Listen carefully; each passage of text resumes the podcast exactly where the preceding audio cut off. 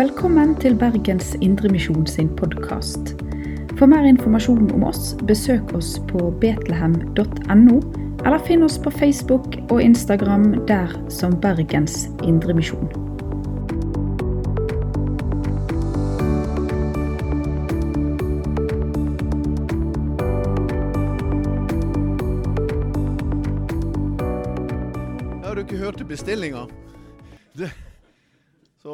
Dere har satt av eh, god tid.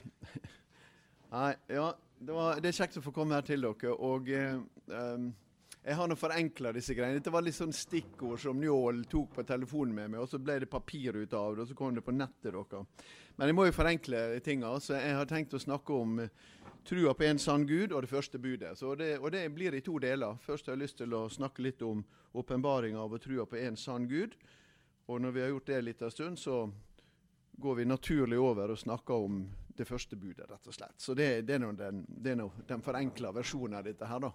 Men vi skal jo prøve å komme inn på en del ganske viktige ting. For det er klart at uh, trua på den ene sanne Gud har jo ganske store ganske stor betydning, ikke bare for våre personlige liv, men det har jo også betydning for hvordan vi forstår hele virkeligheten. Eh, og eh, det er vi jo altså Der er vi jo i en kultursituasjon der vi på en, fra én side sett utgjør en minoritet. Eh, fordi at i Norge i dag så har um, disse her, Du ser på disse Norsk Monitor sine undersøkelser som går annethvert år. og Der måler de bl.a. dette med tru i folket. da. Og så har nå antallet som ikke tror på en gud, blitt større i Norge enn de som tror på en gud. Og da har vi ennå ikke kommet til spørsmålet om Jesus. altså Antallet mennesker i Norge som ikke tror på en gud, er flere enn de som faktisk da tror på en gud. Uh, og Så kan han spørre hva som ligger bak det hos mennesker. Så en så, sånn undersøkelse får ikke fram alt, men de får fram en utvikling. De får, får fram en tendens. Og Det setter oss i ganske stor uh, en ganske endra posisjon som kirke og som misjonsbevegelse. Fordi at all indremisjonsbevegelse har jo helt fra 1800-tallet tatt utgangspunkt i at Bibelen og pontopperane katekismen de hadde naturligvis rett i at det var en gud. Det var utgangspunktet, det. Og det var, På et sett og vis var det utgangspunktet for vekkelsene. fordi at det er kun når mennesket kan stå over for en gud, eller for, den, for den ytterste gud, det er kun når det er aktuelt at vekkelsen blir aktuelt. Hvorfor skal jeg vende om? Hvorfor skal jeg gjøre noe med livet mitt? Hvorfor skal jeg snu om? hvis ikke jeg står over for den ytterste myndighet og autoritet som jeg står til ansvar for. Det blir på en måte meningsløst. Um, hele Jesu kors og død er meningsløs hvis ikke vi står over for Gud. Eller da blir det bare en form for uh, martyrfortelling som vi kan gi en eller annen mening i vår postmoderne tid. Men skal vi fram til den bibelske forståelsen av korset, hva som skjer på korset, så klarer ikke vi oss uten Gud. Det ble helt umulig. Det ble helt meningsløst, egentlig. Og Derfor er det veldig svære ting vi tar fatt på når vi skal snakke om det. For det, det på en måte, det snur litt om på alt sammen. I barnearbeidet vårt. Eh, Det gir en mening til at vi må synge flere sanger om Skaperen i barnekorene våre. Det gir en mening til at vi i forkynnelse, sånn som her i dag, i undervisning, faktisk sier noe om det. Begrunner det og sier noe hva det betyr. Så da begynner vi der. Åpenbaringa av og trua på en sann Gud.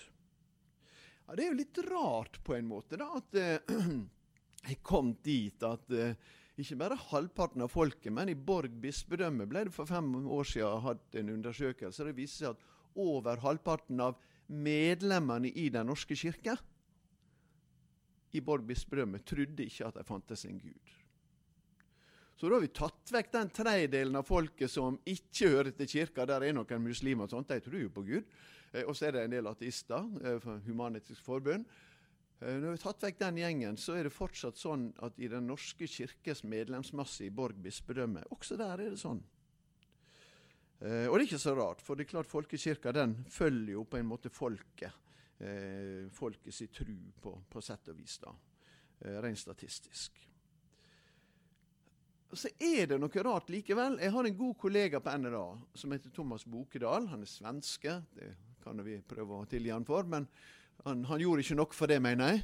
Eh, men han flytta til Edinburgh i Skottland og jobba i Norge, så han har for så vidt prøvd å bøte på det. Eh, men, men, han er en veldig flott kar, og han har skrevet en bok i fjor om Søren Kirkegård. Og Søren Kirkegård, som jo er en veldig kjent filosof fra Danmark eh, Helt sikkert Nordens mest berømte filosof.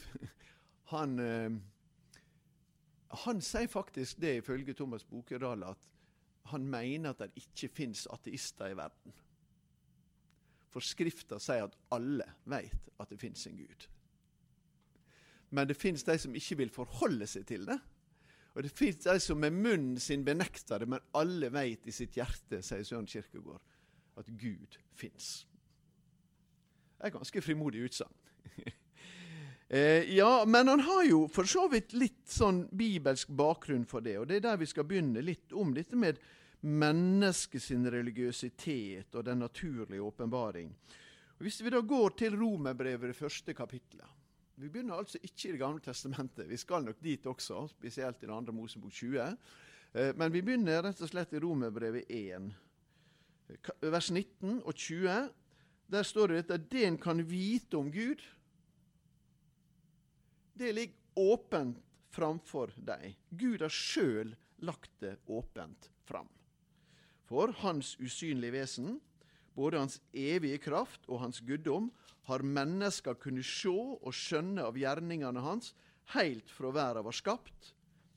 Derfor har jeg heller ikke noe å unnskylde seg med. Og så er det et ganske røft avsnitt resten av dette her da, om hvordan mennesker som egentlig vet at de står overfor Gud, likevel gir seg sjøl til Gud. da. De dyrker det skapte framfor å dyrke skaperen. Som jo ikke er blitt noe mindre aktuelt i vår tid. Og Vi kan jo tenke at vi ikke driver med avgudsdyrking i vår kultur, men dere, den illusjonen må vi nok legge ifra oss.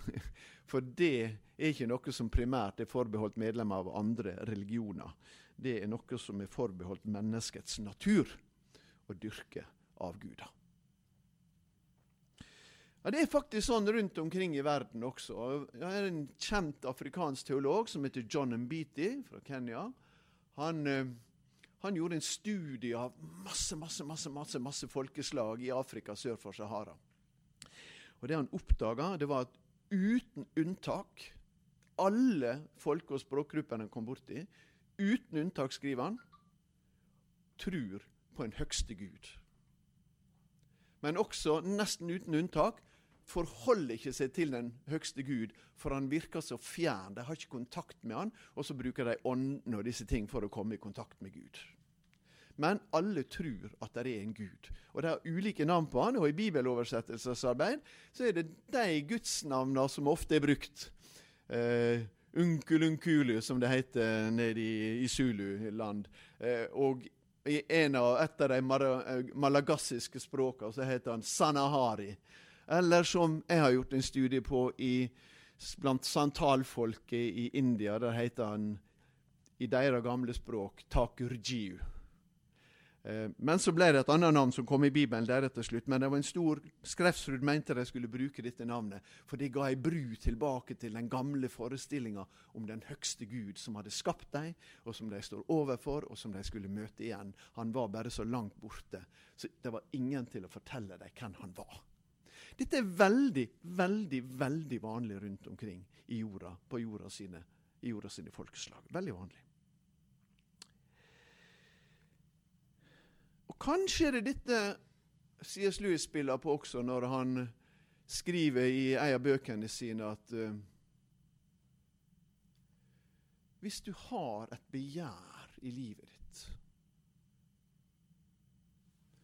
som ingenting i denne verden kan møte. If you have a desire in your heart that nothing in this world can satisfy, altså kan tilfredsstille, da er den mest sannsynlige forklaringa at du egentlig tilhører en annen og større verden. Og dette suger ned i oss. For vi vet jo det at hvis du går til akademia og sånne plasser, særlig til naturvitenskapen, så er det mange som på en måte vil liksom slokke ut trua på Gud. Vi trenger ikke det som hypotese, som noen av mine venner vil si. Men ute blant folk flest, der er jo det sånn at en har en ærlig erkjennelse av at det er en lengsel etter noe som er større. Bak alle våre høgste begjær, når vi får tilfredsstilt alle våre begjær som vi måtte ha i livet vårt, så er vi likevel tomme etterpå. For vi må bare tilfredsstille det igjen.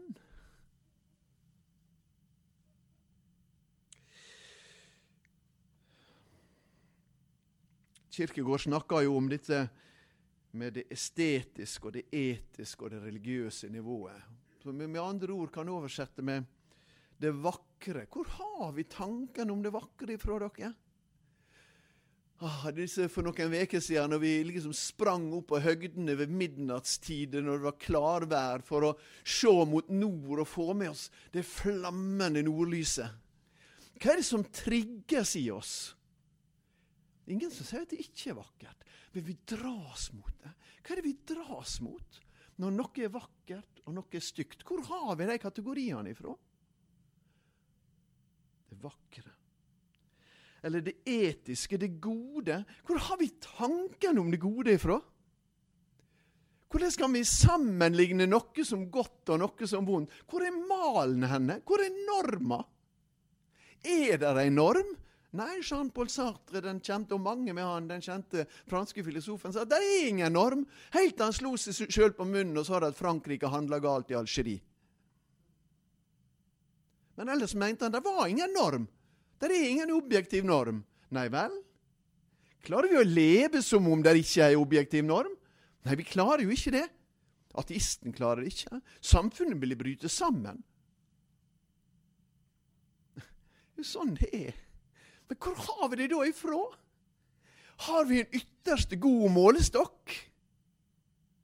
Som er kilden for å vite at det er noe som er godt? Eller Gud sjøl? Den ytterste virkeligheten. Hva er sant?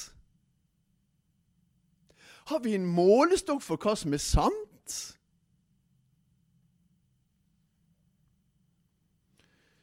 Ja, i den finstilte naturvitenskapen og matematikken så må en ha en målestokk. Må vi ha en målestokk for de spørsmålene som er større enn naturvitenskapen? Må vi ha en målestokk for de spørsmålene som angår Hvor kom jeg fra? Hvem er jeg? Hvor skal jeg henne? Hva er hensikten med alt dette?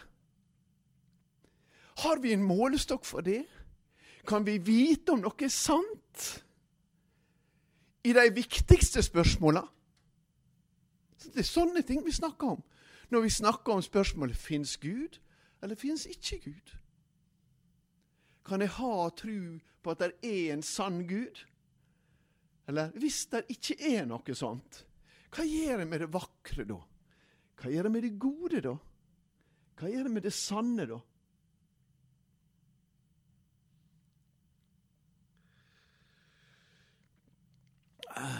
Dette er utfordringer for ateismen i vår tid, som jo preger kulturen, det preger media, det preger universitet og høgskoleverden, og det preger politikerne våre. Men ikke sikkert i den grad det preger folk flest.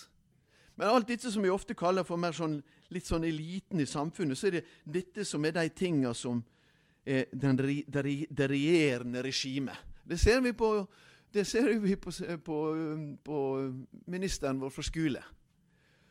Som sier at de hadde aldri noen bibel i henne hjemme, og, og, det nærmeste de kom, det var en eller annen bespottelig bibelutgave som var skrevet av Are Kalbø fra Stranda på Sunnmøre.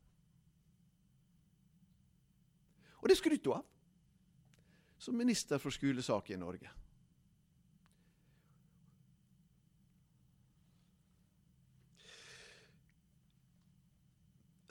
Ateismen den er jo dømt til å være sekulær. ikke sant? Den er dømt til å si at virkeligheten det er det vi kan studere på. Virkeligheten er det vi kan på en måte ha, det som er i den sansbare verden, og det vi kan slutte av det vi vet om den sansbare verden. Dette møter vi, og hvis jeg som jobber i akademia, jeg møter det. Jeg jobber med teologi, men altså vi er nødt til å forholde oss til sånne spørsmål. Studentene våre må forholde seg til sånne spørsmål. Det er derfor jeg har skepsisveke. Det er derfor jeg har Grillen kristen. Fordi det er så utrolig mange skoleungdommer og studenter ute i det norske samfunnet som lurer på hva tror dere egentlig? Er ikke dere med i utviklinga, liksom? Hva vil dere da svare oss på? Og så kan spørsmåla komme. Så er det nå mange som likevel er interessert. da. Det er noen som er aggressive. Det er noen som på en måte er aggressive og representerer dette her myndiggjorte mennesket. Det rettighetskrevende mennesket. Det mennesket som gjerne setter ordet hovmot eller pride over livet sitt. Der jeg skal definere min identitet. Jeg skal definere virkeligheten slik den er for meg. Og ingen har lov å angripe min virkelighetsforståelse. Da boikotter vi den de er på den plattformen. Men på en måte må det gå sånn. Når tida vår har mista, og kulturen vår har mista sin identitet i Gud. For hva var det identiteten i Gud sa oss, og hva er det den sier oss? For det er jo ikke fortid. Hva er det identiteten i Gud sier oss, og sier om oss og til oss? Ja, For det første så sier den at vi ble skapt i Guds bilde, og så det var godt og bare godt. Det er jo det første som blir sagt. Vi ble skapt i Guds bilde med alt som det innebærer. Men som i alle fall innebærer noe på identitetsområdet. At det er Gud som gir oss vår identitet. Og den identiteten går ut på at han la evigheten ned i hjertene våre. Fordi at han egentlig kalte oss til å være en del av den evige, guddommelige kjærligheten. Den som er evig, er treenigheten. Det er mange som en del nyere teologer som har sagt dette, at hvis Gud bare er én, og det er alt vi har å si om Gud, så er det vanskelig å si at Gud er evig kjærlighet. Men fordi Gud er tre i én, Far, Sønn og Hellig Ånd, så har vi et begrep om hva det betyr at Gud er evig kjærlighet. For det er Gud en elskende relasjon. Og når du og jeg skapes i Guds bilde Og han sier 'la oss', sier Gud, skape da skapes vi til å være en del til å Vi kalles inn i dette guddommelige fellesskapet av evig kjærlighet. Men hvis Gud ikke fins, hvor er kjærlighetens kilde da? I begjæret mitt. Der er kjærlighetens kilde, da. Men vi vet jo det at kjærlighetens kilde har en mye bedre, mye bedre, større tilfang. For den er i Guds evige kjærlighet. Som han sier han faktisk elsker oss med. Jeg elsker deg med en evig kjærlighet, sier Jeremia. Ja, ikke Jeremia. Gud sier det gjennom Jeremia til deg og meg. Det er det som er å være i Guds bilde. Kan du tenke deg en større identitet? Og til alt overmål når vi har rota det til. Og det sier forkynneren at Gud gjorde alt godt, men mennesket fant på så mangt og mye. Ja, slik ble det, og slik kan vi bevitne det i vår hverdag. Men enda da sendte han sønnen sin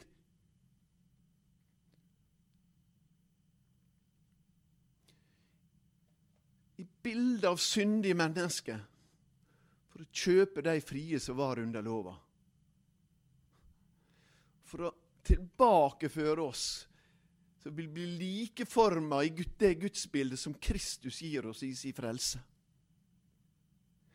Dere, vi har et så enormt budskap som vår tid trenger, og som alle disse identitetssøkende ungdommene trenger i vår tid. Fordi vi har, vi har vi har avkledd autoriteten til alle institusjoner som skulle være med å gi identitet til barn og unge. Og så havner det ut i det som Bergens Tidende skriver om i disse tider. Da blir det barna som mobber de lærerne som ikke har lov å ha autoritet i livet deres. Mobber og slår. Ha, vi har noe å gå med, dere. Og vi trenger på Y-a, på uh, koret da, på barnekoret deres Jubela, hva er det et eller annet sånt som det heter? Jubalong, et eller annet. Dere trenger inn i barne, vi trenger inn i de kristne familiene. Så trenger vi å undervise barna våre, ungdommene våre, i hva det betyr å være skapt. Hva det betyr å være skapt i Guds bilde. Hva det betyr at Gud har kontroll over historia. Hva det betyr at Gud står bak. Hva som er Guds hensikt med tilværelsen.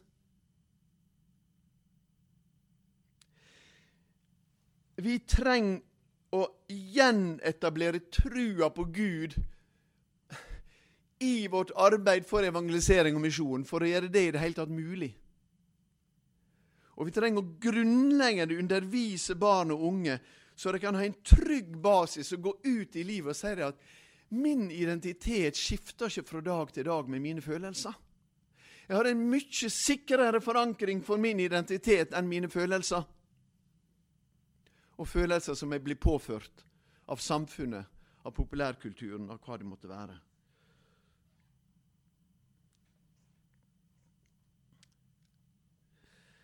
Åpenbaring av trua, og trua på en sann Gud.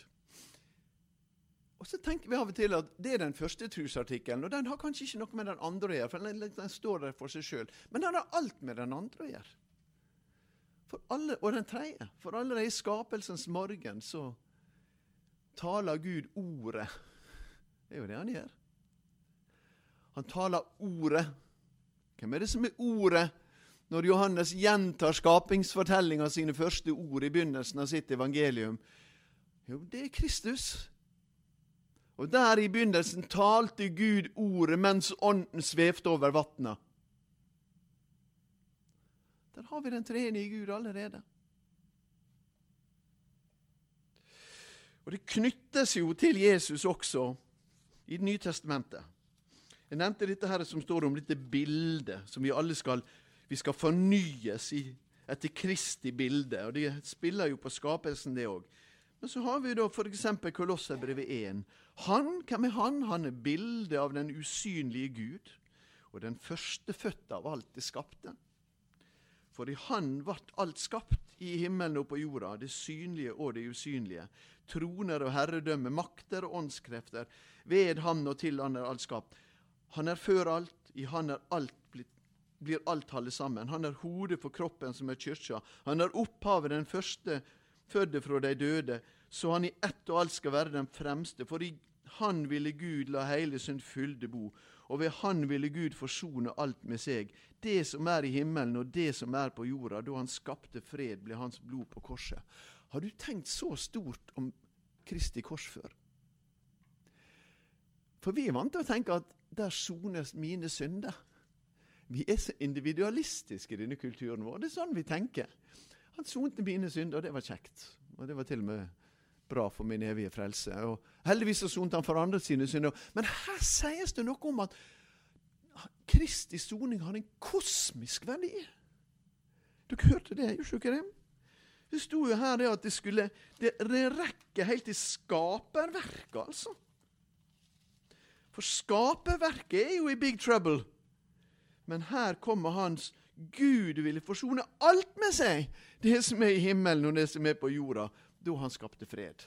Alt vil han skape. Fordi Kristus er der fra skapelsen av. Han er der i den nyskapelsen som begynner ved korset og oppstandelsen. Og han kommer til å være der som den sentrale personen på den ytterste dagen. Ingen kjenner Faderen uten at han kjenner meg, sier Jesus. Det er en djup, djup, djup sammenheng. Det er der vi i det hele tatt kan kjenne Gud. Og Det er jo det som er det bibelske og det kristne gudsbildet.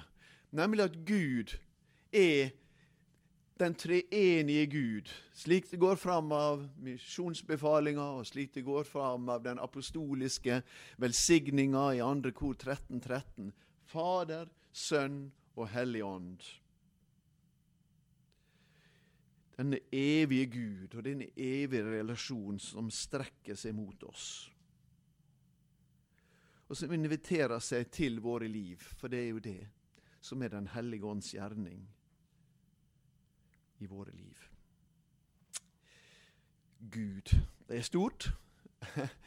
De, de gamle, lærde teologene på latin, da, de sa jo det at vi kan jo aldri gripe Gud. Vi, vi, vi, vi kan, kan, kjenne Gud slik han har åpenbart seg. For han har jo ikke bare åpenbart seg i naturen, ikke sant? Det er den allmenne åpenbaringa. Men det ligger noe der òg. Men Gud har jo åpenbart seg for oss i Jesus Kristus.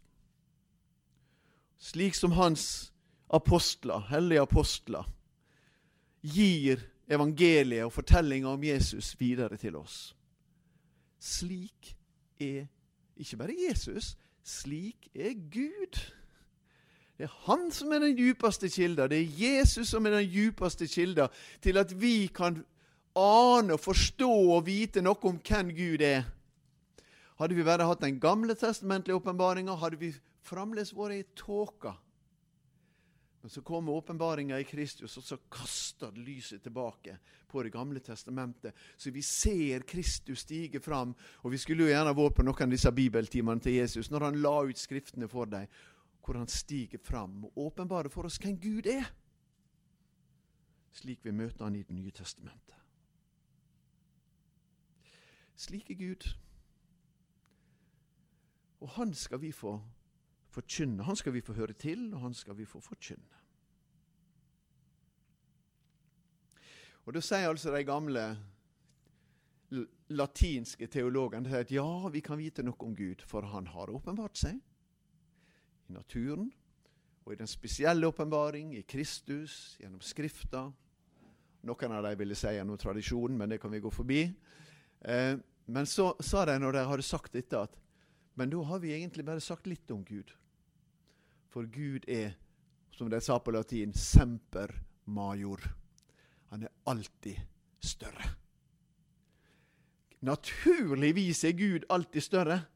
Hvis vi kunne si alt om Gud, og hvis nå jeg hadde all den tida som jeg skremte dere med til å begynne med at vi trengte å ha her, så hadde jeg fortsatt bare kunne sagt litt om Gud. For hvis jeg kunne begynne å uttømme hvem Gud er da viser det et hovmod hos meg, og så viser det en liten Gud. Men dere, Gud er alltid større.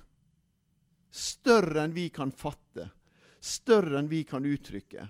Men det betyr ikke at ikke vi ikke kan vite noe om Gud. Og det betyr ikke at vi ikke kan forholde oss til Gud. Og det betyr ikke at vi ikke kan være i fellesskap med Gud. For det er det vi kan være gjennom åpenbaringa som vi har fått i Jesus Kristus, slik vi møter Han i Guds hellige ord. Kan vi holde oss til det? Et lite amen? Sverre, du er formodig nok til det. Ja. eh, men så litt om det første budet, for det er jo budet som er serien her. men Dere ba meg om å si litt om det der òg, men da skal vi ta resten av tida litt på det første budet. Og Da skal vi gå til Andre Mosebok, det som seg hører og bør det 20. kapittel. Så skal vi lese de tre første versene der, første, andre Mosebok til 20. kapittel.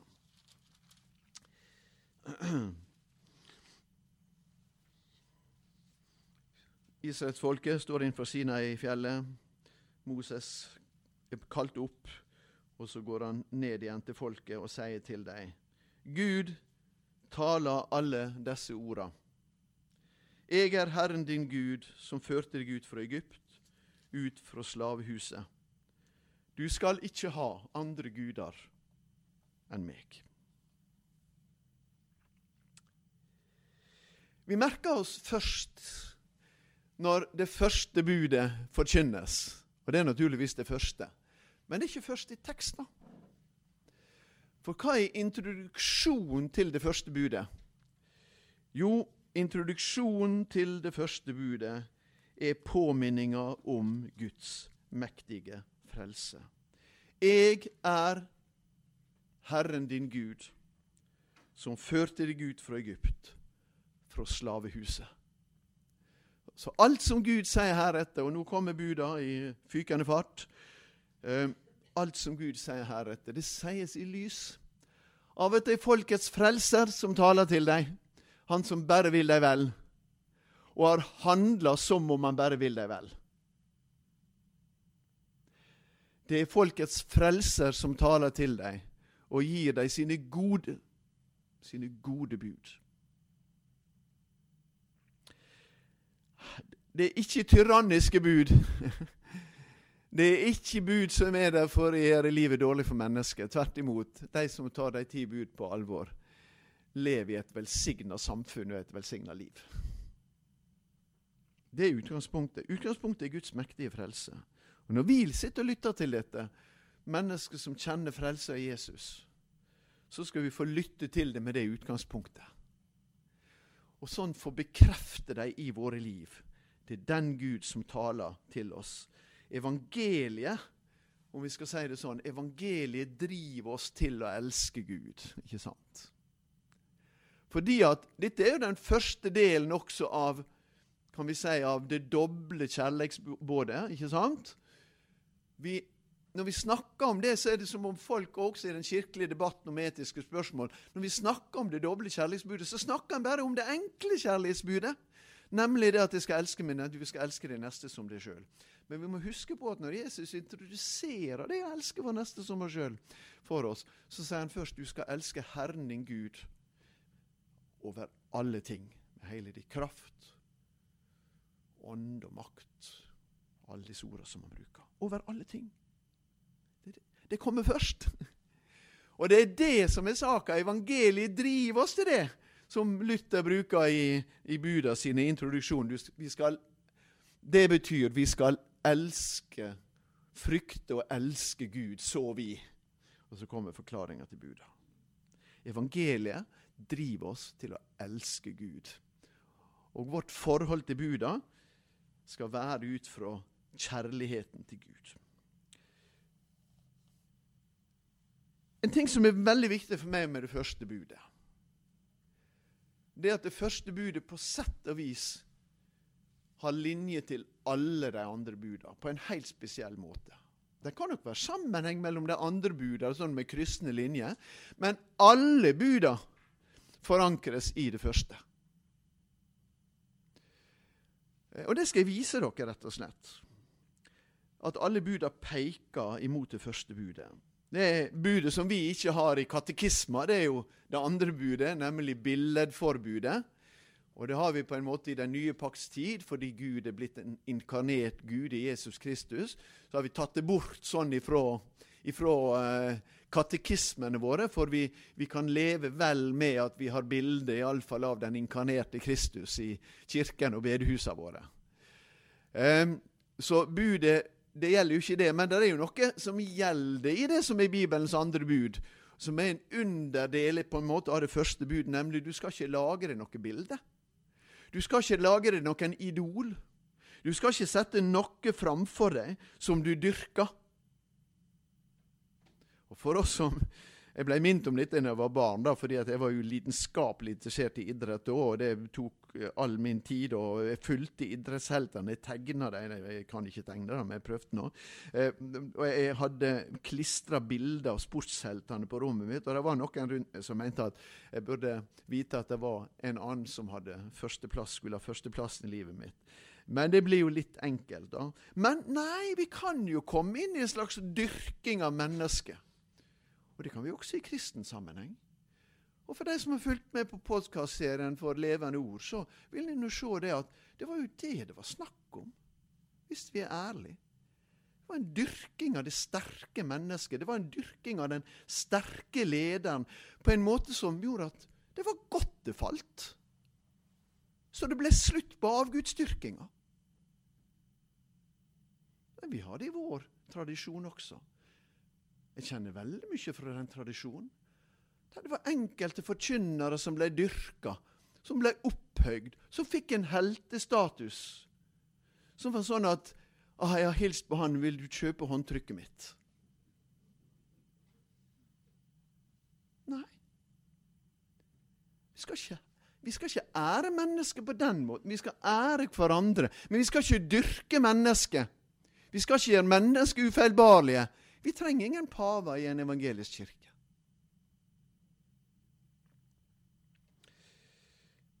Budet om å ikke misbruke Guds navn. Tenk på sekularisering av språket vårt. Tenk på all denne bannskapen som nå er normalspråk, og som vi får ikke stoppa i alle medier. Men nå på en måte, nå er, nå er ikke det bare je og så prikk, prikk, prikk, men nå bare kommer det ut i skrift, i tale, i alle kanaler. Og Det er jo egentlig sekularisering av språket. Det er en konsekvens av at vi tar ikke det så farlig med hele Gud. Eller hele Satan. Og så sekulerer vi språket, og så forsøpler vi språket, og forsimpler vi språket. På den måten. Det henger jo sammen, ikke sant? Tenk på hviledagen. Ja, det er jo et jødisk bud på sin måte. Det er et sabbatsbud. Det er mange ting ikke vi har med den. Ja, men det er også et skapelsesbud. Jeg mener, Det står jo lenge før det andre Mosebok 20. Det står i første Mosebok 1. Her står det at Gud hvilte på den sjuende dagen. Og det skulle være det skulle være et eksempel for oss alle, for det er slik skaperverket er skrudd sammen. Dere, Hviledagen der står der som et vern mot avgudsdyrking. Hvis ikke vi hadde hatt det vernet, da hadde vi brukt den dagen også til å pusse opp. Til å handle. Til å forbedre bedriftens resultat. Til å forbedre karakteren til eksamen.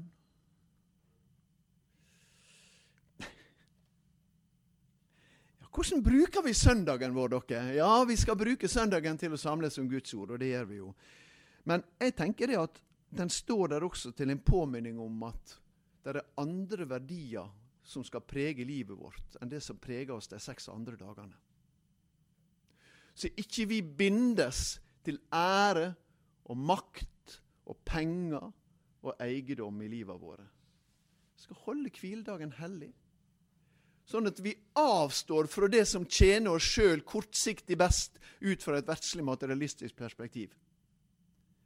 For det er det som er avgudsdyrking. Det er den vi er mest utsatt for.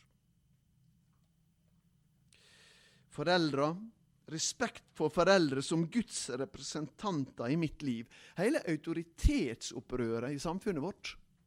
Mot foreldre, mot skole, mot politi, og Jeg er ikke sånn spesielt borgerlig innstilt i politikken, men dette går ikke på det. Men dette opprøret mot de naturlige autoriteter som står der og skal sette et rammeverk rundt livet vårt, det er et opprør mot Gud. For det er Gud som er den ytterste autoritet. Og hvis noen skal ha autoritet på en sann måte, så må en få det fra Gud.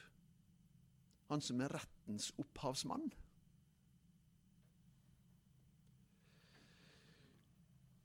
Skal ikke slå i hjel. Hvorfor skal ikke vi slå i hjel? Fordi det å sette seg i Guds plass, det er å bryte det første budet. Når vi tar livet i våre hender, fra barn i mors liv til dødshjelpdebatten når vi, tar barn, når vi tar liv i våre hender, eller når vi lever på en slik måte at vi legger jorda sine ressurser øde, så de fattige landa sine mennesker får dårligere kår å leve under. Da er det fordi vi har funnet en annen gud å dyrke. Men det er den guden som sier at vi har rettighet til å organisere våre egne liv uten at barn skal komme inn og forstyrre det. Vi har rettighet til å organisere våre liv uten at våre gamle foreldre eller min syke ektefelle skal forstyrre mitt liv. Vi har rett til å organisere våre liv på, og, og forbruke våre liv på en sånn måte at jeg skal slippe å bry meg om om forbruket mitt slår ut på de fattige i denne verden. Hva er det vi har gjort oss sjøl til, da? Vi har gjort oss sjøl til guder til avgudsdyrkere. For det er ingenting av dette som hører oss til. Alt hører Gud til. For vi kan ingenting ta med oss der vi går. Alt hører Gud til. Vi har det til låns. Vi er bare forvaltere som skal gi det tilbake til Han, det vi fikk, én eller ti talenter. Bryt ikke ekteskapet er du ikke klar over hvor sterkt Bibelen snakker om at ekteskapet er et bilde på forholdet mellom Kristus og menigheten, og i Det gamle testamentet mellom Gud og hans folk? Hva er det vi gjør når vi bryter ekteskapet? Ja, vi gjør mange ting, naturligvis, da. Vi bryter den pakta som Gud har satt der. Ekteskapet peker mot gudsrelasjonen, og den skal være Gud vil at relasjonen med deg og meg og det skal være ubrytelig. Men så er det bare dette at en av de kraftigste avgudene vi har, det er sex og seksualitetens makt. Denne gode Guds gave, som det jo egentlig er, men som vi så lett gjør til en avgud. Og kulturen vår har gjort til en avgud. Stjel ikke fra nesten din det som Gud har gitt han å forvalte, eller hun å forvalte. For det er Guds eiendom. Vi skal ikke forbryte oss mot vår neste.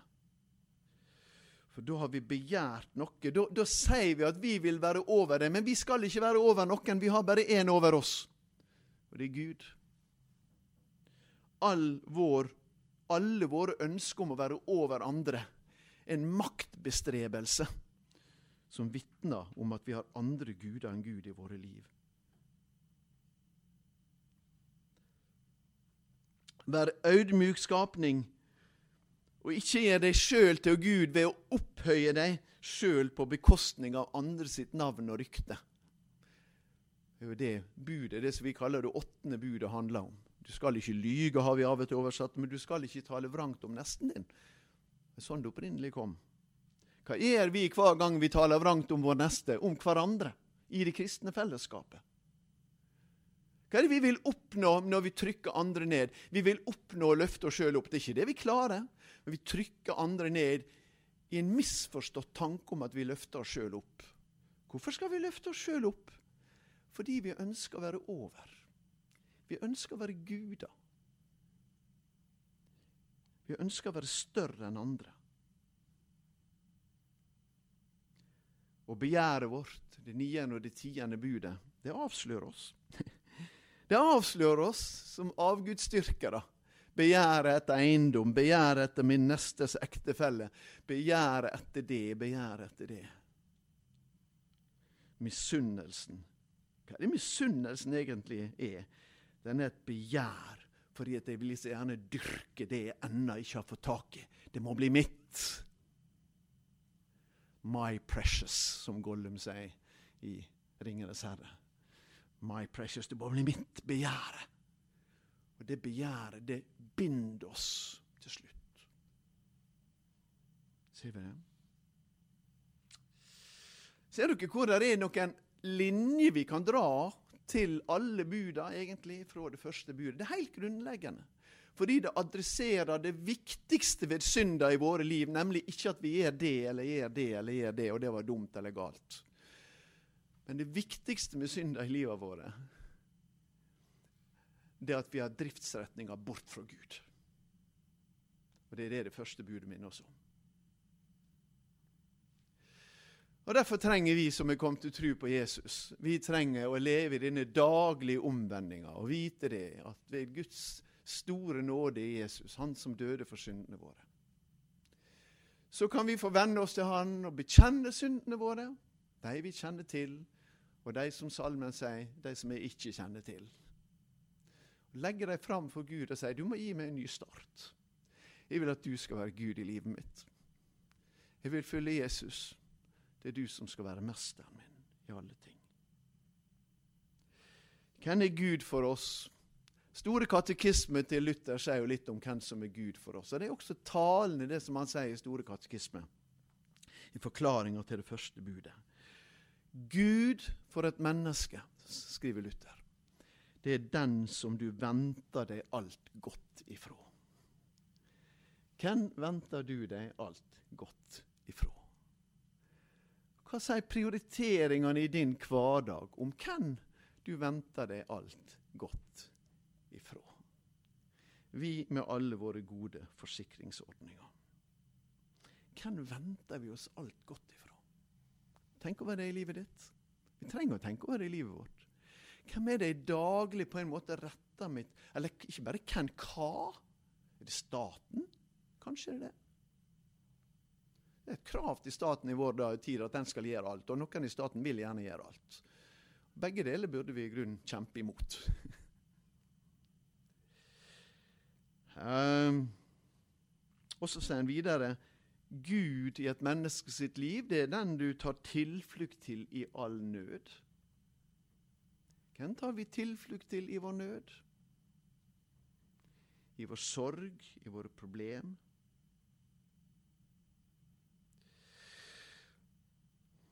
Han sier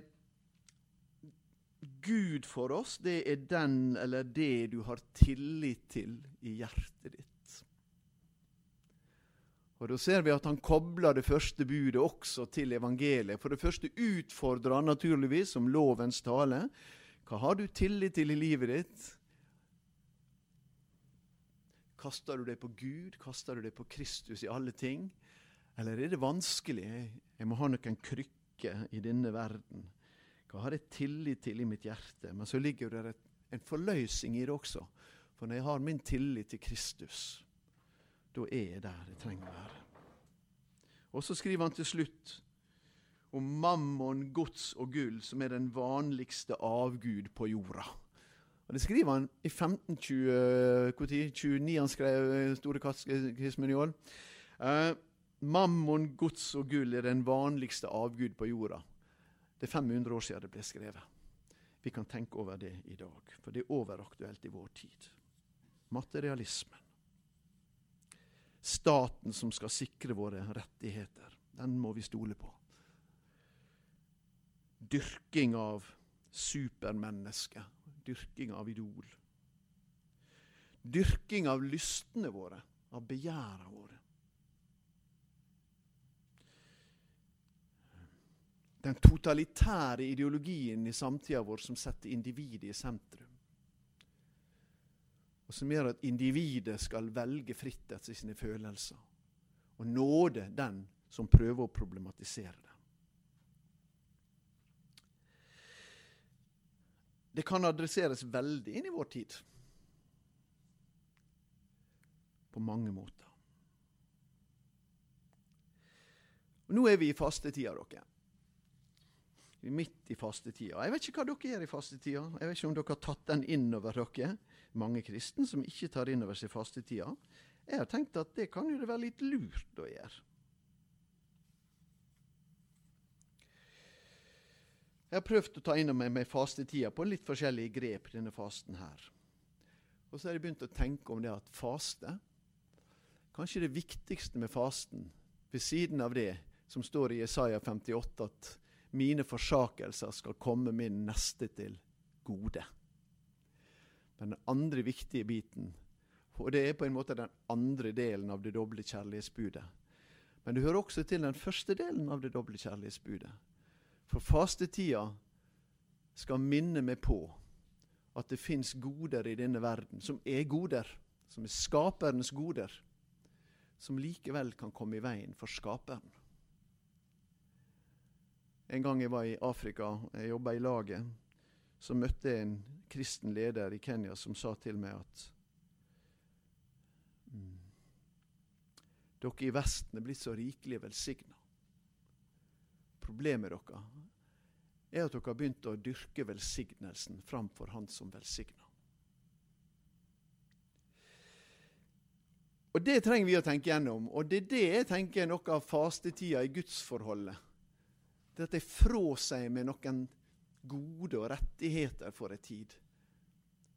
For å rette livet mitt inn mot Han som er mitt alt. For det er det det, er det å være Gud. er å være alt for oss. Og det vil Han. Og det har Han gitt oss i det herlige evangeliet i Jesus Kristus. Amen. Du har lytta til Bergens Indremisjon sin podkast. For mer informasjon om oss, besøk oss på betlehem.no, eller finn oss på Facebook og Instagram der som Bergens Indremisjon.